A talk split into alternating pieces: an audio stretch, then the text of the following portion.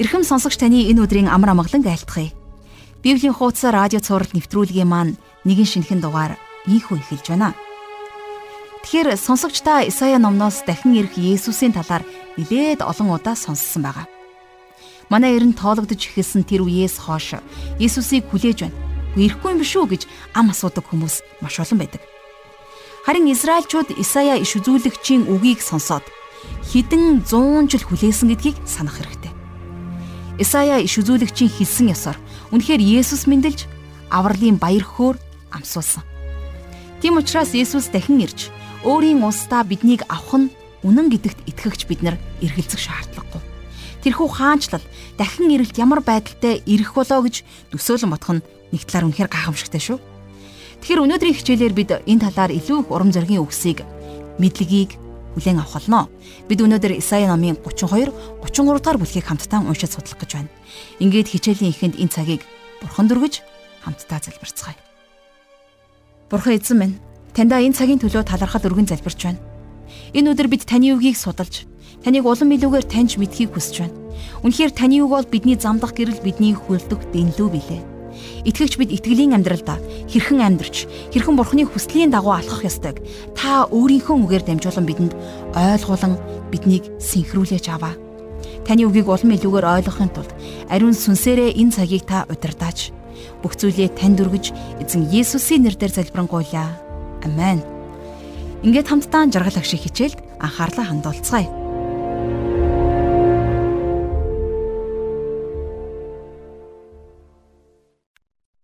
За Исаи номын судлалынхаа өнөөдрийн хичээлээр хамтдаа номынхон 32-оос 33 дугаар бүлгийг судлах болно.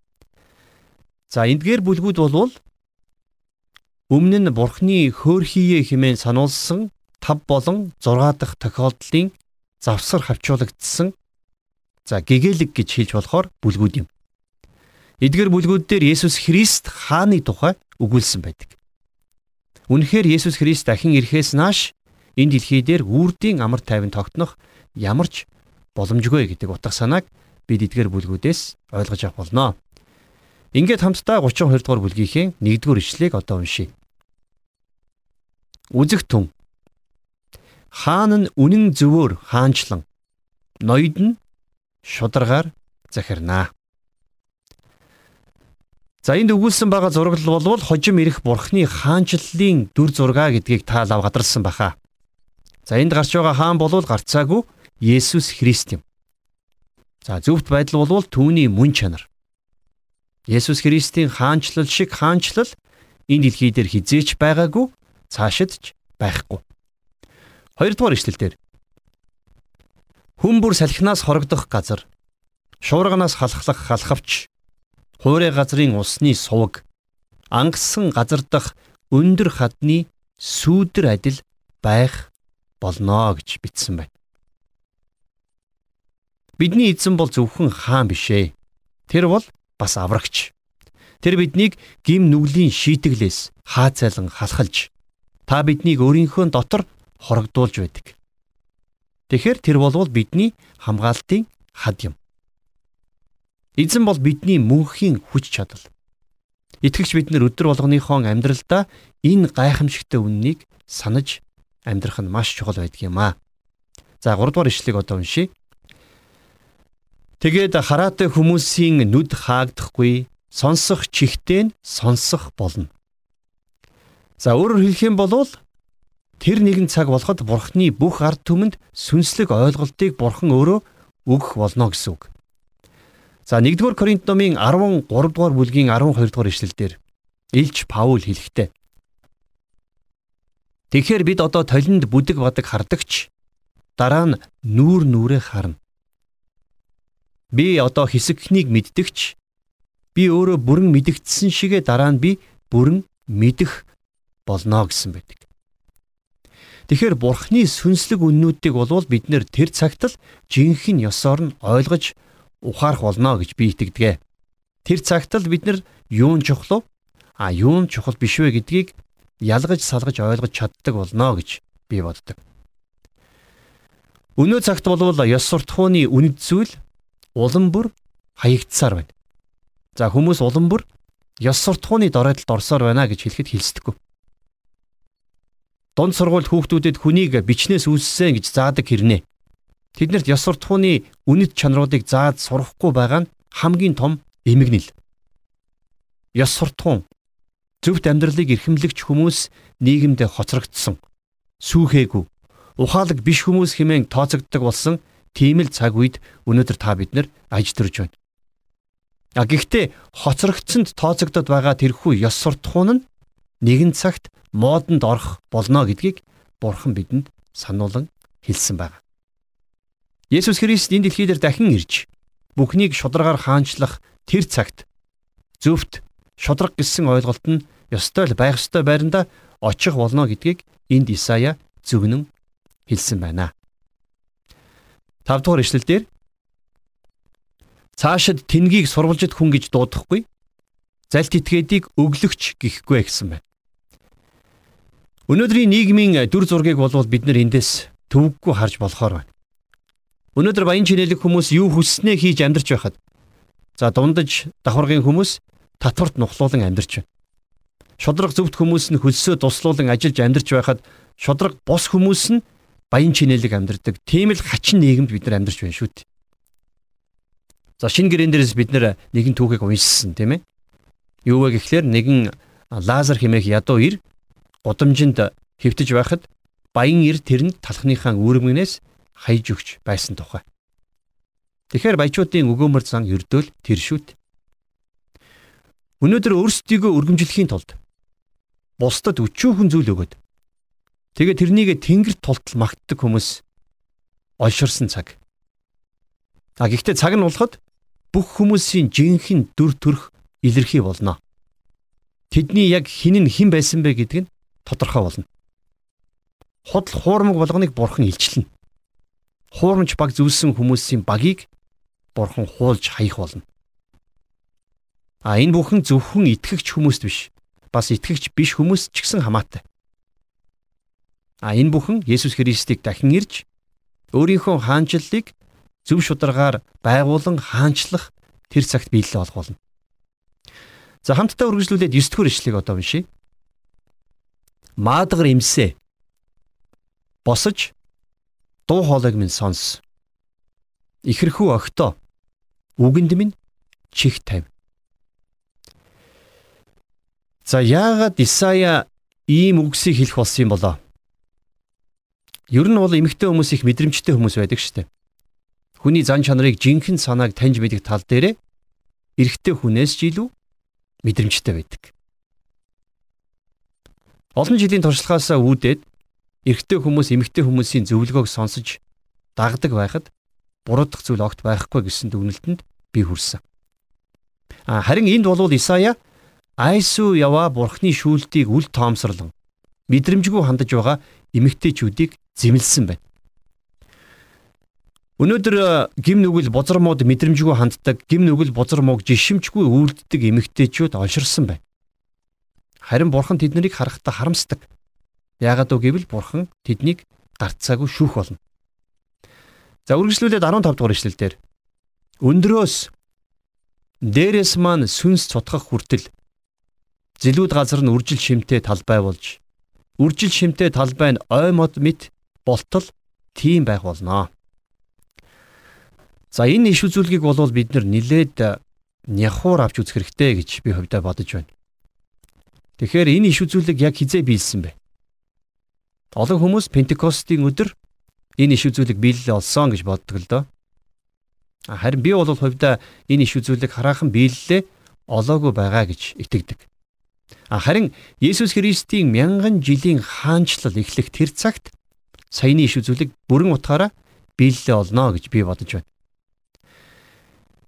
Иш үзүүлэгч Явайл Явайл номын 2 дугаар бүлгийн 28-аас 29 дугаар ишлэлээр хэлэхдээ дараа нь би сүнсээ бүх махбод дээр цутгана. Хөвгүүд охид чинь иш үзүүлж, хөгшчүүл чинь зүүд зүүдэлж, залуус чинь үзэгдэл үзнэ. Боол шивгчэнгүүд дээр ч тэр өдрүүдэд би сүнсээ цутгана гэж зөгнсөн байдаг. За энэ бол хожим ирэх мянган жилийн хаанчлалын үед болох үйл явдал. Харин энэ иш үзүүлэг Пентекостийн өдөр биелэлээ олоогүй гэж би боддог. Хэрвээ бид нар Үлс номын 2 дугаар бүлгийн 15-аас 21 дугаар ишлэлийг харах юм бол Петр Пентекостийн өдөр болсон тэрхүү юр булсын үйл явдлыг хүмүүст тайлбарлан хэлэхдээ Явал номын 2 дугаар бүлгийн саяын бидний уншдаг 28-аас 29 дугаар ишлэлийг иш татсан байдаг.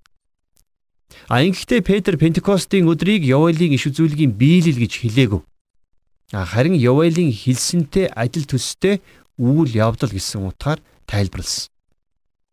Пентекостийн өдөр ариун сүнсээр дүүрсэн дагалдагч нарыг хүмүүс хараад тэд нарыг хар өглөөгөөр согтуу хөлчүү явцгааж байна гэж шоолж байсныг та санаж байгаа тийм ээ. Петрийг амьдарч байсан цаг үед бол өглөө хүмүүс согтуу явна гэсэн тийм зүйл бол өрдөөсөө байгаагүй. Тийм учраас дагалдагч нарын талаар буруугаар бодож байгаа хүмүүст жинхэнэ болж байгаа үйл явдлыг зөвөөр тайлбарлаж өгөхийн тулд Петр Явалийн иш үзүүлгээс иш татан тайлбарлсан байдаг. Өөрөөр хэлэх юм бол Пентекостийн өдөр бол мянган жилийн хаанчлалын үед болох үйл явдалтай төстэй үйл явдал байсан гэсэн үг. За тэгэхээр Пентекостийн өдөр ариун сүнс цөөн хідэн хүмүүсийн дээр асгарсан. Харин мянган жилийн хаанчлалын үед бурхан бүх хүмүүсийн дээр сүнсээ цутгаж өгнө. Явал номын 2 дугаар бүлгийн 30-аас 31 дугаар ишлэлийг харах юм бол ингэж бичсэн байна. Би тэнгэр ба газарт совин яр үзүүлнэ. Тэр нь цус, гал, утаан багнууд болоо. Эзний агуу аимшигт өдөр ирэхийн өмнө нар харанхуйлж сар цус мэт болно гэсэн байна. Тэгвэл энэ агуу аимшигт үзэгдэл хараахан болоогүй байгаа гэдгийг та бид мэднэ. За бас иш үзүүлэгч Явайл хэлэхдээ дараа нь бие сүнсээ бүх махбод дээр цутгана. Хөвгүүд охид чинь иш үзүүлж, хөгшчүүл чинь зүүд зүүдэлж, залуус чинь үзэгдэл үзнэ гэж хэлсэн. Тэгвэл өнөөдөр манай залуус үзэгдэл үзэж хүүгүүд охид иш үзүүлж байгаа билүү? Ингээд бодохоор зэрэг энэ иш үзүүлэг хараахан биелэлээ олоогүй байгаа гэдгийг ойлгож болохоор байна. Энэ үйл явдал тэгэхээр Пентекостийн өдөрч биелэлээ олоогүй. Өнөөдөр ч олоогүй. Харин хожим нь Бурхны хаанчлал байгуулагдах тэр үед энэ үйл явдал болно. За энэ бүхнээс аваад үзэх юм бол Та бид нэр Библиэл дээрх иш үзүүлгүүдийг тайлбарлахдаа нилээд няхуур болгоомжтой хандаж Бурхны хэлэх гэсэн санаа үндсгийг маш сайн ойлгож байж тайлбарлах нь чухал байдаг. За харин одоо үргэлжлүүлээд хамтдаа 33 дугаар бүлгийг үзье. За Исаи номын 33 дугаар бүлэг дээр болвол Бурхны ард түмнийг устгахыг санаархагч альва хүмүүсийн дээр Бурхны буулгах шийтгэлийн тухай өгүүлсэн байна. За тухайн үедээ бол мэдээж энэхүү иш үзүүлэг нь Ассирийн тухай иш үзүүлэг байсан. А гэхдээ нөгөө талаасаа бол энэ нь хожим ирээдүйд болох үйл явдалтай ч гэсэн бас давхар холбоотой гэдгийг бид ойлгож судлах хэрэгтэй. За хамтдаа нэгдүгээр ишлэгийг одоо уншъя. Хөөрхий сүйтгэгдээгүй атлаа сүйтгэдэг. Дээрэмдүүлээгүй атлаа бусдыг дээрэмдэгчтэй. Та нар бусдыг сүйтгэхэ болоход өөрсдийг чинь сүйтгэнэ. Та нар бусдыг дээрэмдэхээ зогсооход та нарыг өөрсдийг чинь дээрэмднэ гэсэн. За их сонирхолтой иш үзүүлэг. Исая энэ үгсээр дамжуулан Библийн нэгэн чухал зарчмыг энд өгүүлж байгаа юм. За энэхүү зарчмыг шин гэрээн дээр Илч Паул Галатад бичсэн загтлынхаа 6 дугаар бүлгийн 7 дугаар ишлэлдэр мөн өгүүлэхтэй. Битгий мэхлэгд бурхан илэг дог болохгүй. Юу гэвэл хүн юу тарьснаа л хурааж авдгаа гэсэн байна. За энд гарч байгаа дээрэмчин болвол за Хизкия хааны үед Иерусалимыг эзлэхээр ирсэн Ассирийн Синахариб гэдэг хаан гэдэг дээр бүх Библийн багш нар санал нэгтэй байдаг. А гэхдээ мэдээж энэ үгс зөвхөн ассирчуудаар хязгаарлагдахгүй гэж би боддог. Бурхан үеийн үед Бурханы ард түмний эсрэг дайсагнсан тэр бүх хүмүүст хандаж энэ үгсийг хэлсэн байгаа.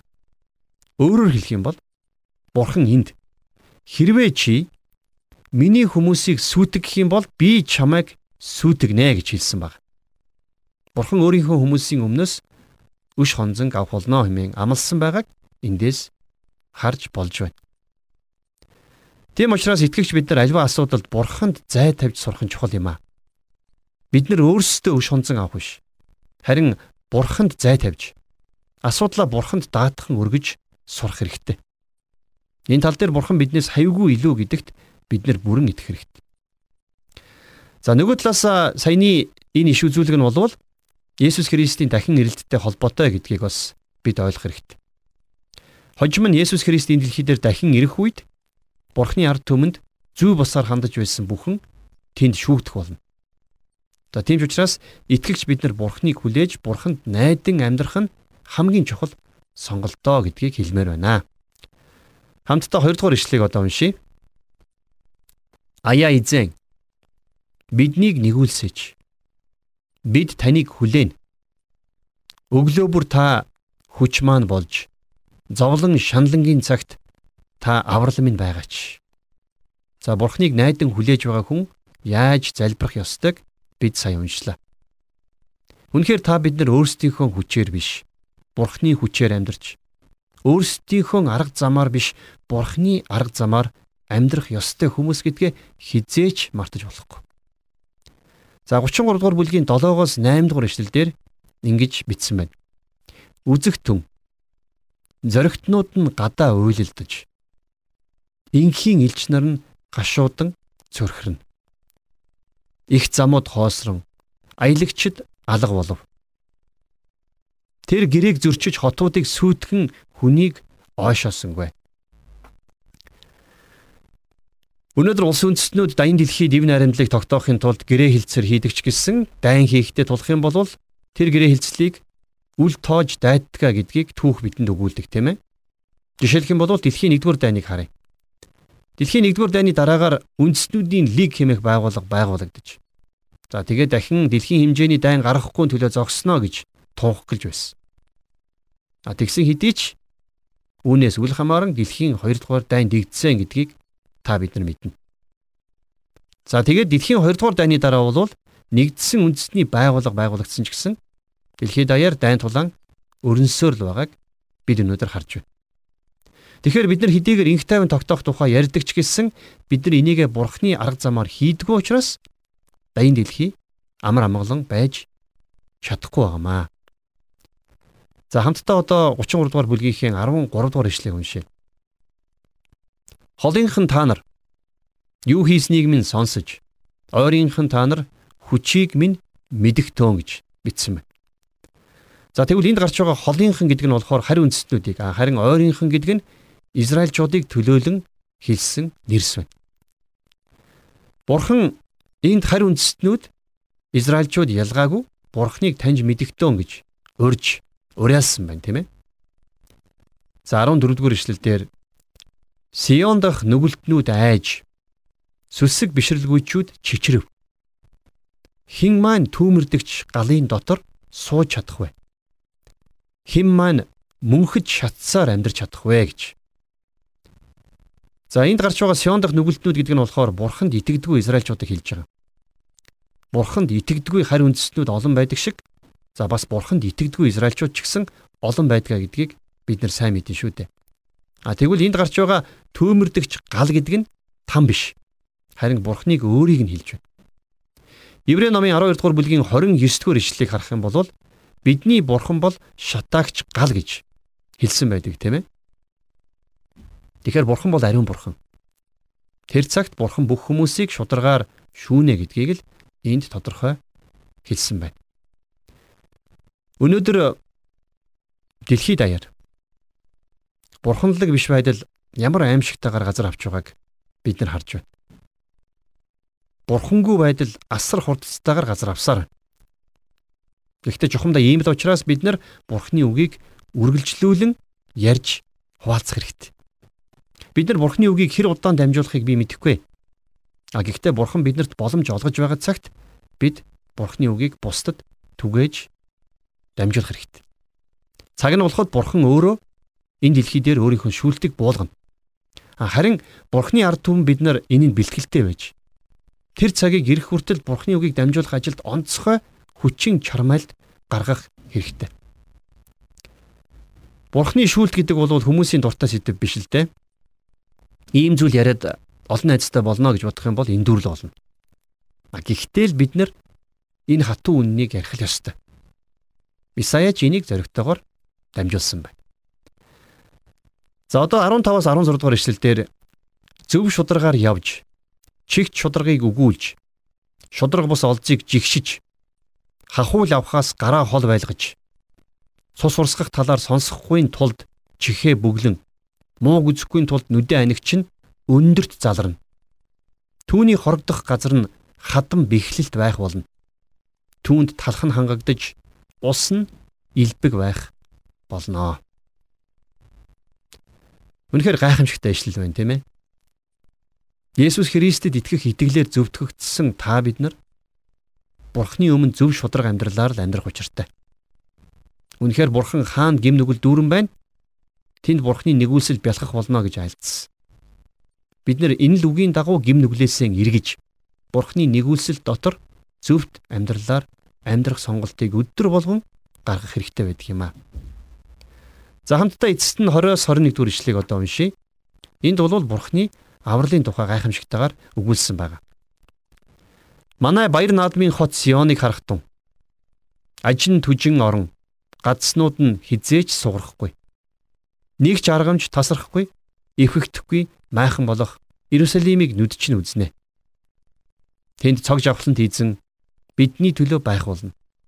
Ингэхдээ гол өргөн сувгийн газар мэт болж сэлүүрт зав хийгээд усан онгоцч түүгээр өнгөрөхгүй.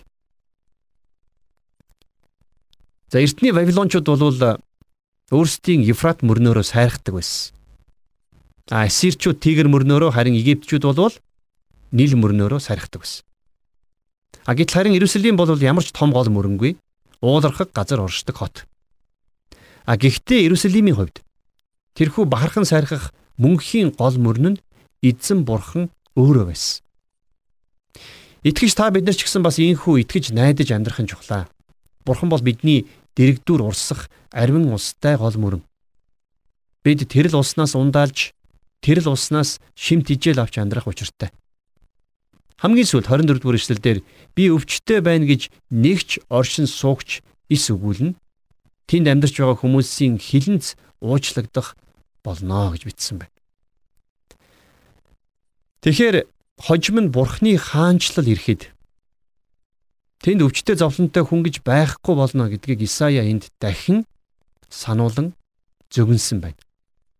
Тэгэхээр бид нар тэрхүү гайхамшигтай ирээдүг итгэлийнхээ нүдээр харж урам зоригтойгоор амьдрах ёстой. Инхийн жонон болсон Есүс Христ газар дэлхийг захирах тэр цаг хүртэл бид нар итгэлийн амьдралдаа тууштайгаар алхаж амьдрцгаая. Ингээд дараачийн хичээлээр дахин уулзъя.